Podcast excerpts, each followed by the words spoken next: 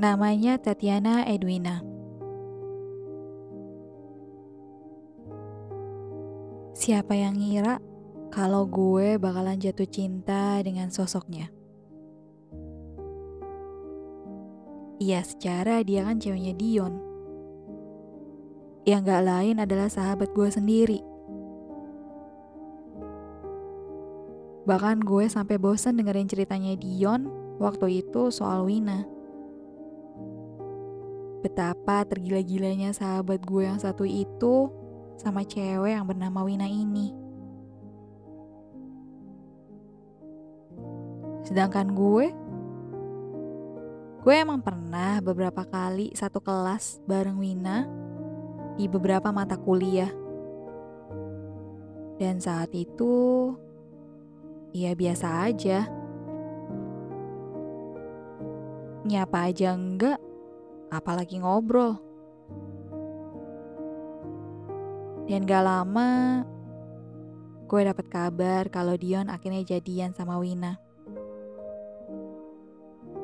Bagus deh, kabar baik juga kan buat dia. Gue bisa ngebayangin gimana bahagianya Dion. Udah lama juga kan dia ngincer Wina.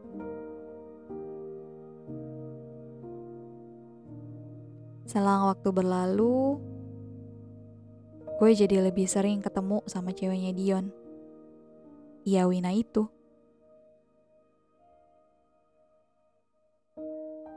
Bahkan beberapa kali Wina suka ikut waktu gue, Dion, Dani, Arya, juga Ray ngumpul-ngumpul di Brown Tree habis manggung. Yang awalnya dulu gak pernah nyapa, Gue sama Wina sekarang kalau ketemu jadi suka nyapa. Walau cuma sekedar senyum atau dengan anggukan kepala. Kalau ngobrol, duh, kalau ngobrol sih gak pernah secara langsung ya. Palingan kalau gue atau dia yang gak sengaja saling nanggepin percakapan yang ada pas kita lagi bareng-bareng ngobrol sama yang lainnya. Makanya gue pernah ngerasa canggung banget pas waktu itu gak sengaja cuma berduaan.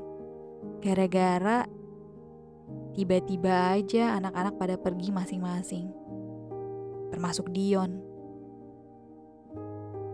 dan cuma nyisain gue sama Wina berdua. Gue diem, dia juga diem waktu itu. Awkward banget rasanya.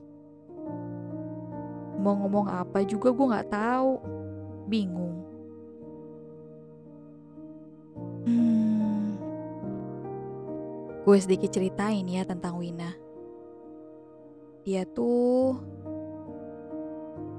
Beda di antara semua mantan-mantan ceweknya Dion. Yang bisa dibilang tipe-tipe cewek yang cantik dan berbahaya. Kenapa gue bilang berbahaya? Soalnya mereka kalau berantem bisa sampai jambak-jambakan. Gila pokoknya. Beda banget sama Wina.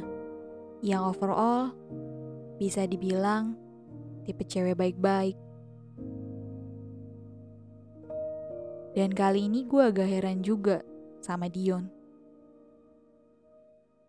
Soalnya ini pacaran terlamanya dia sama seorang perempuan. Hampir setahun mereka bareng-bareng. Padahal biasanya nyampe sebulan aja udah bagus.